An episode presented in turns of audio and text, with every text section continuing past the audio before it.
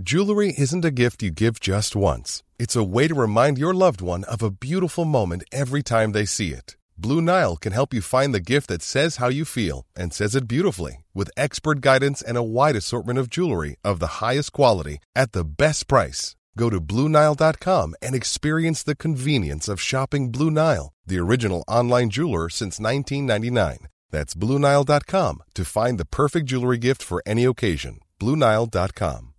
When you make decisions for your company, you look for the no brainers. And if you have a lot of mailing to do, Stamps.com is the ultimate no brainer. It streamlines your processes to make your business more efficient, which makes you less busy. Mail checks, invoices, legal documents, and everything you need to keep your business running with Stamps.com. Seamlessly connect with every major marketplace and shopping cart. Schedule package pickups and see your cheapest and fastest shipping options from different carriers. With rates up to 89% off USPS and UPS rates. And with the Stamps.com mobile app, you can take care of mailing and shipping wherever you are. Make the same no-brainer decision as over 1 million other businesses with Stamps.com. Sign up with code PROGRAM for a four-week trial, plus free postage and a free digital scale. No long-term commitments or contracts.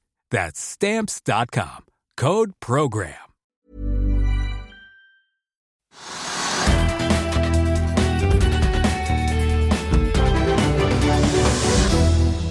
En riktig god torsdag alle sammen, og velkommen til Økonominyhetene på denne 8. desember. Både børsen og oljeprisen er på vei opp igjen etter duppen de siste par dagene. Og Børsdagen i dag preges av at to av selskapene som mange følger med på arrangerer kapitalmarkedsdag. Det inkluderer Storebrand, som vi snakket om på Børsmorgen, og ikke minst Europris. Vi får besøk av konsernsjefen og også bransjeforeningen Virke for å høre om hva som rører seg i varehandelen straks. Men først la oss ta en titt på markedet akkurat nå. SMP 500-deksen i USA har jo falt fem dager på rad den siste tiden. Vi får trøste oss med at fallet avtok litt i går, etter da to veldig negative dager på starten av denne uken. I går så vi at Dow Jones-indeksen på endte i null. SMP 500 endte ned 0,2, mens Nasdaq-indeksen falt en halv prosent eh, til. Og her eh, hjemme så har børsen etter fallet på 1,6 i går snudd oppover og ligger opp nå en eh, drøye halv prosent til 1191 poeng. Og det er ikke bare børsen og hovedindeksen som er opp i dag, men det er også oljeprisene. Vi har jo denne uken sett at nordsjøoljen har duppet under 80 dollar fat i spotmarkedet for første gang siden januar. Og I dag er vi opp da 1,8% nå til 78,70, mens den amerikanske lettoljen VTI tikker opp eh, over 3% til 74,70. Like mye futt er det ikke i de europeiske markedene i dag. Det er stort sett rødt rundt oss på kontinentet, med unntak av det svenske markedet. Og futuresene på Wall Street peker mot en oppgang der nå en snau time før åpning. Vi begynner nyhetsrunden med litt fly, og først Flyr, for i går kom jo Flyr med passasjerer passasjertallene fra november, som viste et kraftig fall. Fra 186 000 ned til 57 500 passasjerer i november. Selskapet har jo kuttet kraftig ned på operasjonen sin i vinter for å spare penger. Opererer nå bare mellom fem og seks av sine tolv fly da frem til påske. I dag melder de om at eh, de ekstra juleavgangene de hadde planlagt er såpass populære at de setter opp ekstra avganger. Og de øker både Oslo, Tromsø, Bergen og Trondheim. Ellers opplyser selskapets kommersielle direktør i eh, Thomas Ramdal da, i pressemeldingen som kom i morges om at eh, Flyene over jul og nyttår er spesielt fulle til Spania, Roma og Paris, samt av Berlin og Brussel. Og så er Norse Atlantic ute med en oppdatering for november måned. Selskapet har nå lansert eh, rutene sine fra Berlin til Florida. Selskapet fraktet nesten 29 000 passasjerer i november. Det er da omtrent en drøy halvering fra oktober. Kabinfaktoren tikket ned 10 prosentpoeng til 50% altså halvfulle fly. Selskapet skriver at fyllingsgraden derimot er god på rutene fra Berlin og London til USA, men at de er betydelig lavere fra Oslo. En trøst for selskapet er at fraktinntektene er opp 23% i snitt per flygning fra oktober til november. Og Norse Atlantic regner med at de får ut det femte flyet i flåten sin til utleie i løpet av desember måned for å spe på inntektene litt. Eh, grann. I meldingen går også Norse til angrep på regjeringens foreslåtte økning av flypassasjeravgiften. De skriver at den varslede økningen på 45% vil tvinge dem til å revurdere satsingen på ruter fra USA inn mot mot eh, Norge, gitt at de opererer i et prissensitivt eh, marked. Norse Atlantic hentet jo nylig 300 millioner kroner for å fylle kassen i sitt britiske datterselskap etter krav fra myndighetene der. Nå er man i gang med en reparasjonsemisjon, også den da på 2,50 kroner aksjen, som kan bringe inn 150 millioner kroner eh, til. Droneaksjen Nordic Unmanned er den som faller mest i dag, med en kursnedgang på rundt 40 etter den rettede emisjonen på 70 millioner kroner som ble gjennomført, til en kurs på 6 kroner aksjen, som ble annonsert i går, langt under sluttkursen onsdag ettermiddag på 11,40. Selskapet har eh, nå fått inn 450 millioner kroner de siste par årene, fordelt da på fem emisjoner, men prises foreløpig til langt under halvparten av det beløpet. Så har aluminiumsgiganten Hydro kunngjort et oppkjøp i Tyskland av Høyk, som leverer vinduer, dører og fasadsystemer i aluminium. Den aksjen er en av de som gjør det best på mest omsatt-listen, opp nesten 3 i dag. Så faller eh, Canopy Holdings, tidligere kjent som Skitur, nesten 20% etter at de slapp sine tall i dag, som viser et driftsunderskudd på nesten 25 millioner kroner. Og så går Astrocast eh, som en kule opp 37% Selskapet har har på formiddagen i dag meldt om en avtale med Arrowspot verdt flere millioner eh, dollar. La oss i Finansavisen hjelpe deg med å holde deg oppdatert på alt som skjer i finans og næringsliv. Hver morgen er jeg, Marius Lorentzen, og aksjekommentator Karl Johan Målnes på plass i studio for å ta tempen på dagens marked i Børsmorgen. På ettermiddagen oppsummerer vi alt du trenger å vite i økonominyhetene, og så får vi selvfølgelig besøk av masse interessante gjester. Du finner oss på fa.no-tv, eller ved å søke opp Børsmorgen og Økonominyhetene der du hører på podkast. I'll see you in court. Vi sier det ofte litt på spøk, men for deg som driver business, er det aldri moro å innse at du ikke har laget en 100% gyldig kontrakt. Du bør ikke risikere hele firmaet ditt fordi du synes dette med kontrakter er litt stress. En avtale er ikke en avtale. Du kan miste kunder, miste venner, ja, til og med miste inntekter om du ikke lager en skikkelig kontrakt, på alt mulig, egentlig. Men vi vet det er et styr, kopimaskiner, treg printer og haugevis av papir. Dessuten stoler vi jo på folk her i landet. Det er ofte litt kleint å skulle be om en signatur for alt mulig, ja, for mye av styret handler også om jakten på underskriften. Det finnes en enkel måte å løse dette på, Dukkobit en trygg, effektiv og get this, gratis måte å sikre seg en god natts søvn pluss en juridisk bindende avtale. Dukkobit-appen har de strengeste sikkerhetskrav i bunn, samt en EU-godkjent og sertifisert teknologi. Framover vil det bli behagelig å spørre du, skal vi skrive under på det, eller? Kom i gang på dukkobit.no.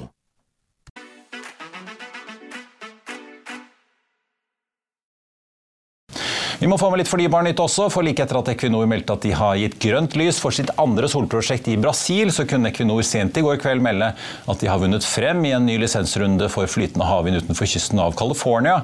Det er jo en intens kamp i energibransjen om dagen om å få slike lisenser, og da en auksjon i Skottland avholdt tidligere år, måtte både Equinor og Aker gå tomhendte hjem. Men nå har Equinor altså sikret seg mer areal i det som var den første amerikanske auksjonen for flytende havvind i kommersiell skala på USAs vestkyst. Equinor eh, blar opp 130 millioner dollar for å sikre seg drøye 300 kvadratkilometer utenfor Morrow Bay, som da skal kunne gi 2 gigawatt i effekt eh, med en utbygging som skal være nok til å dekke 750 000 hjem. Equinor har jo fra før store havvindprosjekter gående på østkysten, kjent som Empire Wind og Beacon Wind. Og totalt er Equinors eh, prosjektportefølje på havvind i USA nå oppe i 5,5 gigawatt. De har jo da et mål om å installere mellom 12 og 16 innen 2030. Vi skal eh, straks til Europris, men vi må svinge kort innom Storebrand, som også avholder kapitalmarkedsdag i dag. Storebrandsaksjen er lite endret etter oppdateringen. Forsikringsselskapet opplyser om at de er i rute for å levere vekstmålene sine, og at over halvparten av selskapets resultat skal deles ut som utbytte. Utbyttene loves å tikke oppover, og selskapet senker, eller beholder da får vi si, først og fremst solvensgraden på 150% som kreves for å betale utbytte. Men nivået de eh, vurderer seg som overkapitalisert på, det senkes fra 180 til 175. Og selskapet varsler at de planlegger å gjøre tilbakekjøp av egne aksjer for eh, over 10 milliarder kroner innen 2030. Og det betyr jo da tilbakekjøp på i snitt av 1,25 milliarder kroner i året frem til 2030. Dette tilsvarer, eh, for de som gjør en kjapp hoderegning på markedsverdien til Storebrand, en fjerdedel av hele selskapet. Her er hva analysesjef Johan Strøm i Carnegie hadde å si på Børsmorgen i morges på vei inn til presentasjonen på Storebrands hovedkontor på Lysaker. Ja, jeg tror at det her eh, bekrefter eh, det vi har trodd. Eh, dette er et, det er et selskap som altså Storebrand blir større etter dette. her. 10-12 milliarder det de, de sier. Det er noe mer enn det vi hadde fra kapitalmarkedsdagen i, i desember 2020. Sånn at de, de øker sine forventninger om hva de klarer å kunne slippe løs fra balansen. og Det er ca. en fjerdedel av market capen, så det er betydelige summer. Eh, samtidig er markedet veldig uvillig skulle jeg sagt, til å eh, prise det her inn i aksjen. Eh, men det her er jo noe som er såpass stort at equity-basen i Storebrand faller samtidig som earnings stiger. Så at utviklingen i return on equity i Storebrand er nesten positiv uavhengig av hvilket markedssyn du har. Og det er jo ganske uvanlig i et marked som, som, generelt er veldig volatilt. Så det vi får sett uh, fra liksom vi ta Hovedtallene i dag er en, en, en, lavere kapitalkrav eller kapitalmål på 175% fra tidligere 180. De har et noe høyere mål om tilbakekjøp på 10-12 milliarder fra tidligere tid. Eh, og så kommer man generere mer kapital med de, med de stigende rentene. Så i sum eh, eh så tror jeg at eh, det her er et storbrand som, som, som sagt blir noe større. da. Men det at de senker denne terskelen for tilbakekjøp eh, altså på solvensgraden sin fra 180 til 75, er det et tegn på at de tar mer risiko og er mindre robuste, eller? Eller det motsatte. Jeg skulle sagt at 175 er fortsatt et veldig høyt nivå. Også på en europeisk nivå så, så screener det her veldig høyt. Uh, jeg tror at Storebrands si, nysalg det vokser med et solvenskrav uh, på ca. 140 Sånn at du kan nok over tid se at det er 175% tar noen notches ytterligere ned. Eh, så, så jeg, jeg, hadde vel sagt at det her er ganske ventet, Marius. Storebrand endte i går på 85,64. Carnegie har da kjøpt 95, eller i hvert fall hadde før da kapitalmarkedsdagen. Aksjen startet opp 1,6 i dag, men har falt tilbake, ligger nå ned 0,7 til da omtrent 85 kroner blank. Vi må kjapt innom oljeservice. Det er ikke mange dagene siden Aker Solutions meldte at de regner med å motta ordre fra oljeselskapet Aker BP på 45 milliarder kroner nå i desember på prosjekter som da skal sanksjoneres inn mot fristen til oljeskattepakken. I dag kommer Subsea 7 etter i en melding hvor de da varsler at de regner med å bli tildelt en såkalt major-kontrakt på arbeid på Noaka-feltet og en large-kontrakt på Skarv-prosjektet og en substantial-kontrakt på Valhall Fenris. Disse engelske kategoriseringene betyr litt enkelt sagt at Subsea 7 da regner med å få inn ordre fra Aker BP nå på rundt en milliard dollar de neste ukene. Og Mens Storebrand har fått litt i dag, er det andre selskaper som har hatt kapitalmarkedsdag, som tikker oppover på børsen. Vi skal nemlig snakke europris og varehandel. Lavpriskjeden holder fast ved sine økonomiske ambisjoner og gjentar dessuten utbyttepolitikken, som innebærer at 50-60% av nettoresultatet altså skal utbetales til aksjonærene. og Da er det jo en glede å ønske velkommen til dagens gjester. Der den ene sa at the jury's still out på julehandelen. Espen Eldal, konsernsjef i Europris, velkommen. Takk. Og Harald Andersen i Virke. Espen, jeg må nesten begynne før vi snakker varehandel liksom bredt med hva dere har kommet med i eh, dag. Da dere varsler at dere fortsatt skal holde denne vekstplanen deres med netto fem butikker i eh, året.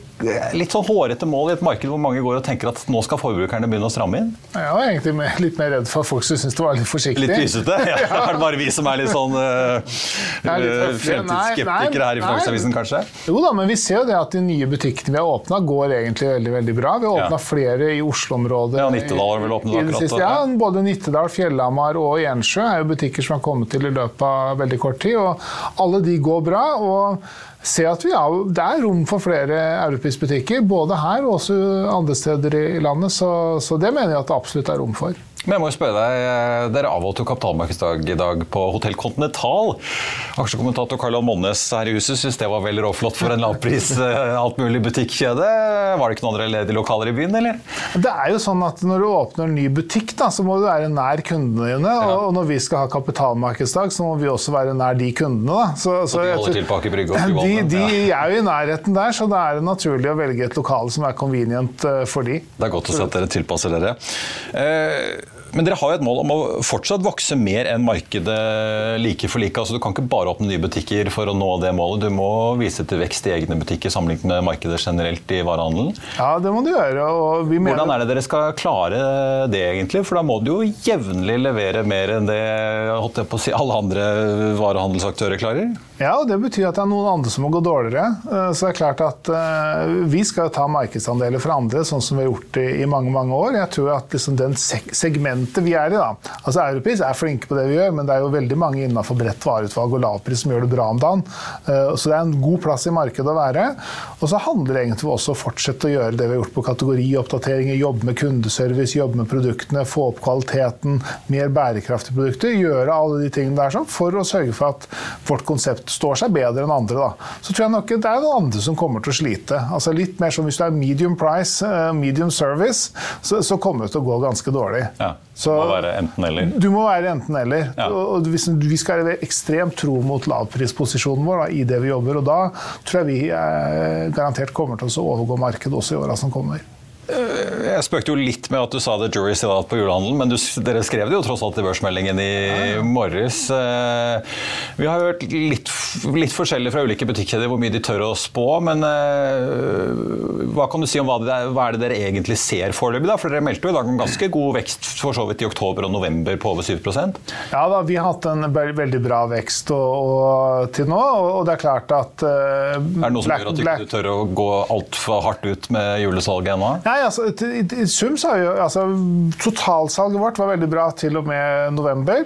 Eh, salget av julevarer var faktisk eh, litt dårligere enn i fjor. Det er liksom konsumvarer som har drevet, og lavpris som har drevet veksten. Eh, og så ser vi at de har skifta seg litt nå, men det handler jo også om prissetting. Og jeg må innrømme at jeg har aldri sett en julesesong eh, i, i norsk retail som har starta med så mye rabattering så tidlig. Nei. Så det er mye varelager der ute. Eh, men jeg er sikker på at vi får et bra fjerde kvartal, men jeg, jeg er ikke helt sikker på liksom, at den veksten veksten vi så fram til og med november, holder seg hele veien ut. Eh, det er tøffe comparables i eh, desember. I fjor så på den tida her så stengte jo Norge ned på nytt. Eh, så, hvis du skal sammenligne med det, da. Så, men det tror jeg ikke folk husker lenger. At, at, det var nedstengt i fjor på den tida her. Sånn. Det er jo nesten sånn Harald, det virker som en evighet siden, men det var jo ikke mer enn i fjor hvor julebord var helt uaktuelt. Og ja, Man kunne gå på senteret med munnbind og handle mer, enda mer julegaver i stedet. Helt riktig. det. Vårt eget julebord, Virkes julebord, ble avlyst i fjor. Ja. pandemien. Ja, helt riktig. Men hvis, det er ikke så lenge siden vi hadde en kollega her for å snakke om julehandelsprognosene deres. Dere regner jo med et fall på 3,5 eh, i julehandelen i år, så vidt jeg husker. Ja, stemmer, stemmer det. Eh, fortell litt hvordan det ser ut. da, for Vi har jo sett fra Europris, eh, og vi ser det jo for så vidt i materialet i dag òg, varer over 1000 kroner tikker ganske kraftig nedover. Nå er det, utgjør det riktignok en liten, mindre andel av, av, salget totalt, da, men du ser jo en, en vridning hvert hos Europris. Hva ser dere generelt i varehandelen nå på litt Espen er inne på med, med rabatt og prisfokus? Jeg tror alle ser jo det samme, at det har jo vært en, en november, en, en svart november, eh, som tror ingen av oss har sett før, med et voldsomt eh, kampanjetrykk. Ja. Så, og Det er spennende å se hvordan det slår ut på, på volumet. Sannsynligvis betyr det at man har klart å holde ganske, altså volumet ganske godt oppe,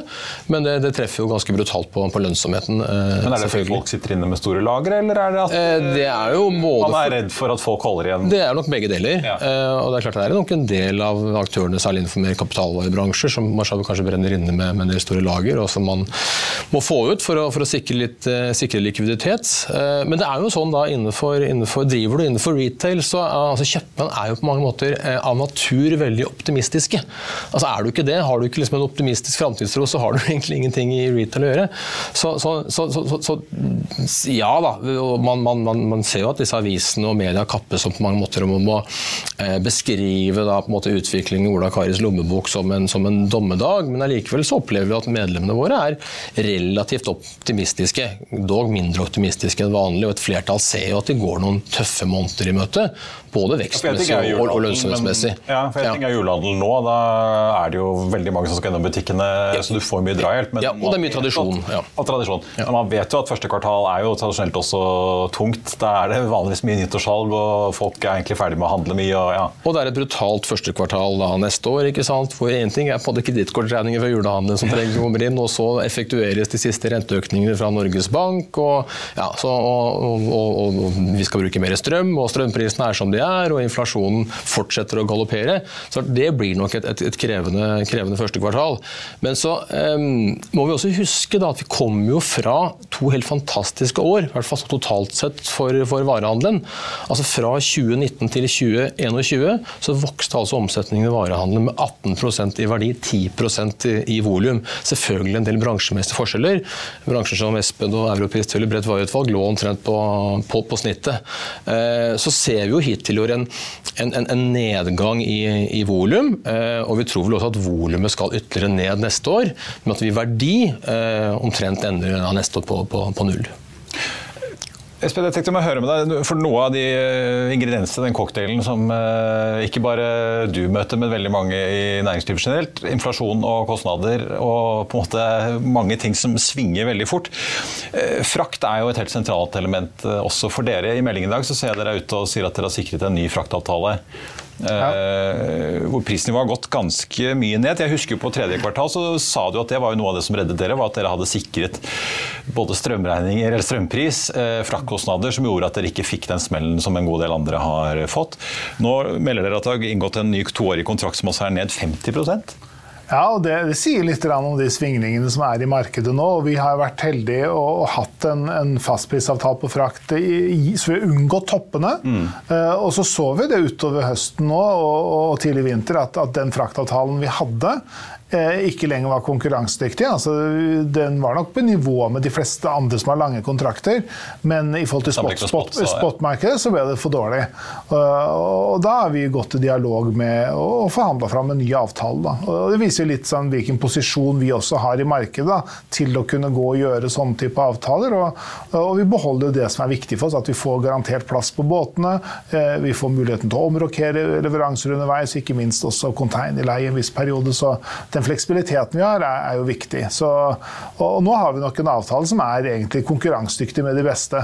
Men jeg tror ikke vi har en sånn kjempekonkurransemessig fortrinn utover. Men Vurderte dere å holde an og vente, eller se ting litt an hvis du nå går inn i resesjon og ratene kanskje faller enda mer eh, på frakt fremover? Da tror jeg vi må gå til leverandøren og, og forhandle på nytt. Ja. Altså, jeg tror liksom, det, så, Sånn vil det alltid funke da, i markedet, at du kan alltid ta den dialogen når det blir nødvendig.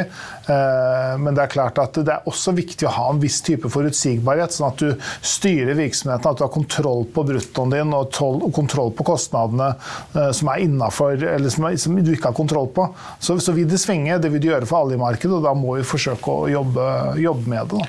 Men, eh, litt på inflasjonen. var, altså, vi så oktober, Nå får vi se hva novembertallene blir fra SSB, men oktobertallene var jo 7,5 uh, og det er jo på en måte, Da får man jo litt drahjelp, fordi da har de jo regnet inn strømstøtten. Trekker man den ut, så er man jo nærmere 10 i Norge.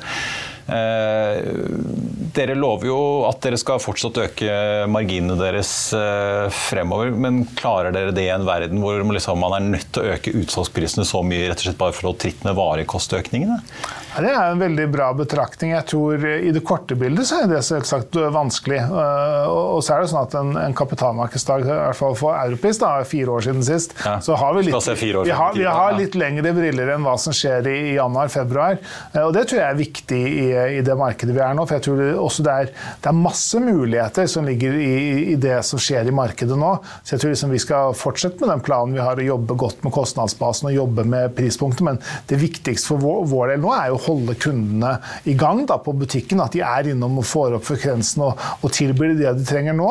Nå trenger kundene lave priser, konsumvarer. Da skal de få det. Og så kommer markedet for hagemøbler og kunstige juletrær og alt det. Det kommer tilbake på et eller annet tidspunkt. Det tror jeg både vi og altså elektronikkbransjen og mange andre er glad for. Da. Så varemiksen utover neste neste år blir kanskje enda viktigere enn noen gang? for du er nødt til å treffe på... Du, du må tune deg mot ja. det kundene etterspør. Absolutt. Harald, Snakk litt om inflasjonen. Altså, når du ser på hele varehandelen. Altså, vi ser jo mat øker. Alt øker jo bare noe så voldsomt kvartal for kvartal for kvartal. Det må jo være krevende på en måte å holde tritt for alle disse butikkene. Ja, fordi at Kundene etter hvert begynner å se at oi, den uh, leken der eller den skjorten der koster plutselig så mye. liksom. Ja, ja helt, helt åpenbart. og det er jo det, altså, Hvis du ser på hva som er de største bekymringene i varehandelen, så er det da knyttet til redusert kjøpekraft hos eh, husholdningene og, og inflasjon inflasjon er selvfølgelig en del av det bildet. Og så treffer jo også inflasjonen direkte selvfølgelig eh, kjøpmennene gjennom at kostnadsbildet deres øker, eh, og gjennom at innkjøpsprisene øker. Så det er krevende. Og, og i det bildet så vil vi nok også se at forbrukeren blir mer og mer prisbevisst. Det kan jo bety at man trekker, på en måte migrerer fra noen type kategorier til andre typer kategorier, fra noen type butikker til andre type, type butikker. Dvs. Si den enes død, kanskje, men også dannet et andres brød. Vi vil nok se at grensehandelen får et, et boost av, av, dette. Vi vil nok også se at andelen eh, egne merkevarer, altså private label, eh, vil øke. Jeg tror innenfor de fleste kategorier. Eh, det spennende i forlengelsen av det også, se om, om den på atferdsendringen hos forbrukeren biter seg fast. Det vil jo i neste omgang by på noen betydelige utfordringer for merkevareleverandørene eh, lenger ned i gata. Men så er det noe som å huske på litt sånn tilbakeøkonomiske bildet i dette. da. Eh, fordi at ok, forbrukertilliten er på, på, på bånn.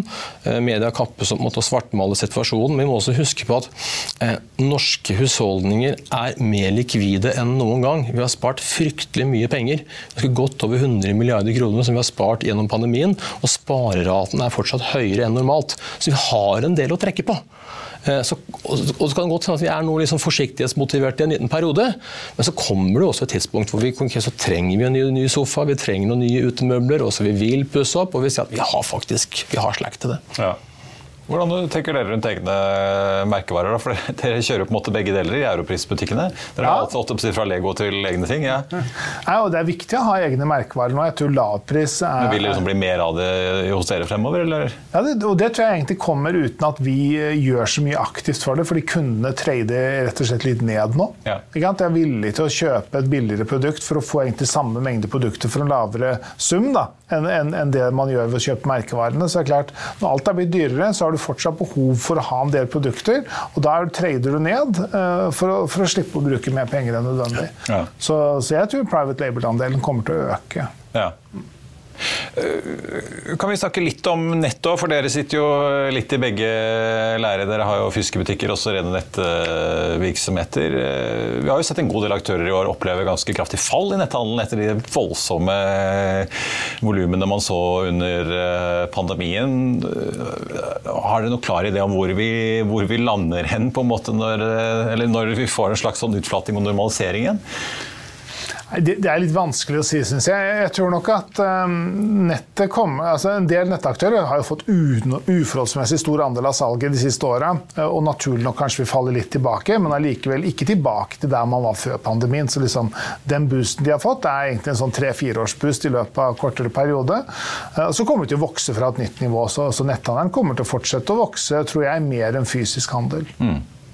Harald, hvordan ser det ut uh, fra ditt uh, ståsted, hvis vi uh, tenker på nett versus fysisk nå? Altså, nettet har jo da, Netthandelen vokste jo med 80% fra 2019 til, til 2021. Som Espen sier, fikk liksom en sånn tre til fire års boost i løpet av ett og, et og, to år. hittil i år så er den omtrent på null, og vi tror at den også skal på en ende på null neste år. Det mest interessante vi ser, det er jo at det er omnikanalaktørene egentlig de tradisjonelle spillerne som også er blitt digitale på det, som driver mye av veksten innenfor netthandel, og ikke da pure-playerne, altså de rene, rene nettaktørene. Og Det viser jo bare at det vi alltid har snakket om, dette med at, at, at, at framtidens handel er på en måte figital, den er både fysisk og digital, dette smelter sammen i et litt sånn sømløst økosystem, ja, der er vi allerede. Og jeg tror også pandemien har gjort noe med, eh, eller gjorde noe med oss som forbrukere, altså hvor vi, vi ble litt sånn, vi så liksom hvor, hvor, hvor viktig og deilig det var å kunne liksom handle varer enklest mulig. Og Det blir nok en viktig drive framover eh, for varehandelen. Det å kunne tilby eh, de enkleste handleopplevelsene. Altså Gjøre det enkelt for kundene å orientere det, enten det er i butikk eller på nett. Og, Fortsatt så er det sånn, og så kommer det sikkert å være lenge, at, at, at for hver hundrelapp vi bruker på varehandel, så havner 85 kroner i en fysisk butikk.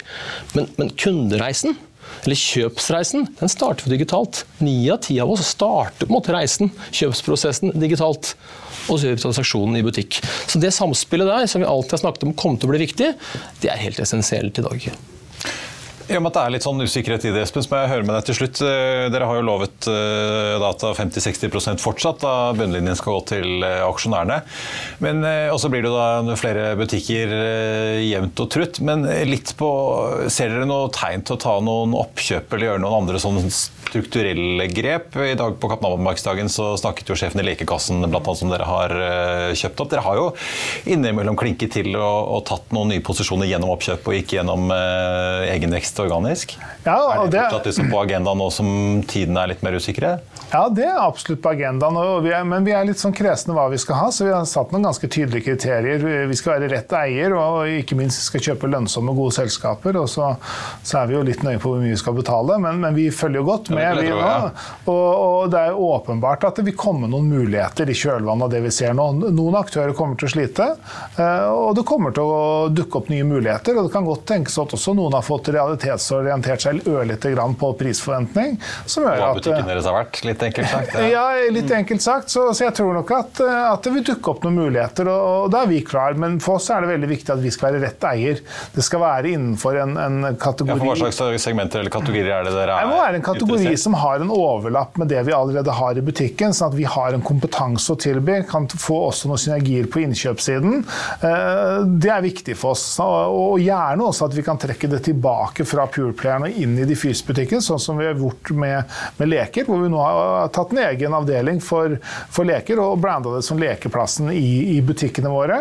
eh, Hvor du får, får altså synergier fra netthandelen også inn i den fysiske butikken. Så jeg tror det er liksom det vi ser etter og jobber etter. Så, men det er klart, vi, vi, vi, vi får jo mange caser presentert, eh, og slår til på relativt få. Harald, til slutt, øh, Mange har jo snakket om eiendom, hva som skjer med eiendom nå som vi går inn i dystre tider. og Mange er jo under press. Vi har jo sett liksom Entra skrive ned verdiene sine ganske mye, blant annet. Får en, øh, handelsnæringen noe drahjelp av det på husleie, sånn at uh, eiendomsprisen er på vei ned? eller? Vi får jo en del bekymringsmeldinger selvfølgelig fra medlemmene våre. At de opplever at eh, huseierne utviser litt manglende forståelse for at man tross alt er i samme båt. Det er jo et form for ekteskap, dette her. Man ønsker jo å leve lenge sammen i landet, og da må jo også huseierne, gårdeierne, bidra med å ikke velte alle kostnadsøkninger og all, alle, all økning i strømregningen f.eks. over på, på, på leietaker. Eh, Så, så vi er i god dialog vi med, med, med utleiernes eh, organisasjon, Norsk Eiendom. Så, så vi håper jo at også utleierne viser moderasjon. Og ikke minst så appellerer vi også til, til, til huseierne og minner dem om at eh, ja, vi er, vi er måte vi er i samme båt, eh, samme båt her. Og så har vi også fått til nå en ordning som gjør også at leietakere kan søke støtte fra denne, denne strømstøtteordningen til næringslivet. Ja. Andersen i Virke, for å si god jul, Handel. Takk og like måte. Det er jo Espen Eldal, konsernsjef i Europris. Takk for at dere kom, begge to. På tampen av sendingen så tenkte jeg bare å ta med at eh, Morgan Stanley har vært ute i dag og økt eh, kursmålet på Hydro fra 85 til 93 kroner. Gjentar sin kjøpsanbefaling. Eh, Som vi hørte tidligere i sendingen, så har da Hydro kjøpt et tyske selskapet Høyk, som bl.a. driver med vindusprofiler og annet, andre byggmaterialer i aluminium. Hydro-aksjen den tikker oppover i dag. 2,9% nå til 75,72. Så fortsatt en eh, ja, nesten 20 kroner opp til da kursmålet til Morgan Stanley. Hydro har jo for, for øvrig da kapitalmarkedsdag i London neste uke, og det skal vi jo selvfølgelig dekke og følge med på. Ellers så tenkte jeg vi må også innom, eh, så vidt innom sjømat. Sjømatindeksen på Oslo Børs i dag opp en halv prosent. SalMar har jo vært en av de som har gjort det veldig bra. Ligger fortsatt opp halvannen prosent. Movi ligger ned 0,2 i dag. Fearnley Securities Nils Thommessen har delt ut kjøpsanbefalinger nå til samtlige aksjer han dekker. Eh, Da han venter at et lite tilbud i markedet venter å holde lakseprisen på historisk høye nivåer. Og han har da en kjøpsanbefaling eh, også da på Grieg, Mosseval og SalMar, i tillegg til de andre som de har dekning eh, på. Ellers så tenkte jeg bare også å nevne at hovedveksten på Oslo Børs ligger fortsatt solid i grønt, 0,6% i pluss, når det nå bare er en halvannen time igjen av handelen på Oslo Børs. Nordsjøoljen opp nesten 2 så en veldig sterk rekyl da fra duppen vi har sett de siste par dagene. Nå ligger vi på 78 dollar og 80 cent i spotmarkedet. Den amerikanske lettoljen ligger fortsatt opp over 3 da til 74,70 her nå. Og det ser vi jo bidrar til å løfte. Oljeaksjen Equinor opp 1,6 i dag, Aker BP 1,2 Ellers så ligger da Hydro på nest, omsatt, eh, da, nest mest omsatt, med en oppgang på nesten 3% de også. Norse Atlantic eh, har falt ganske mye i dag etter eh, oppdateringen deres for november måned. Ned en nesten 6% nå. Konkurrenten SAS 1,8% i minus. Norwegian ned 0,2, mens Flyr tikker oppover 1,7 i dag til 0,6 øre. Godt under fortsatt emisjonskursen på ett øre. Storebrand, som altså har kapitalmarkedsdag, de også, ned 0,75. Så skal vi bare slå opp europris, som da fortsatt ligger i pluss i dag. De har falt litt ned fra den toppen de hadde tidligere. Da var jo aksjen godt opp over 3% Nå ligger den fortsatt i pluss da med en halv prosent i dag. Og så er det jo fortsatt sånn at Astrokast leder an oppgangen i dag. Nordic Unmanned er den største taperen etter emisjonen som ble gjort der. I Finansavisen i morgen så kan du lese Trygve Egnars leder om at regjeringen stjeler arbeidsplasser. Du kan lese om Sparebank1 Markets sine tre soleklare valg i oljesektoren. Det blir mer om Storebrands kapitalmarkedsdag. Og du kan også lese om bedriftsbarometeret til Aprila Bank. Og da er vi ved slutten av denne sendingen. I morgen er det fredag, så da er vi på luften igjen her i Økonominyhetene klokken 13.30. Og før den tid blir det Børsmorgen 08.55. Siste nytt får du som alltid på FA.no. Mitt navn er Marius Lorentzen. Takk for at du så eller hørte på. Ha en fin torsdag kveld, torsdagskveld alle sammen. Vi ses.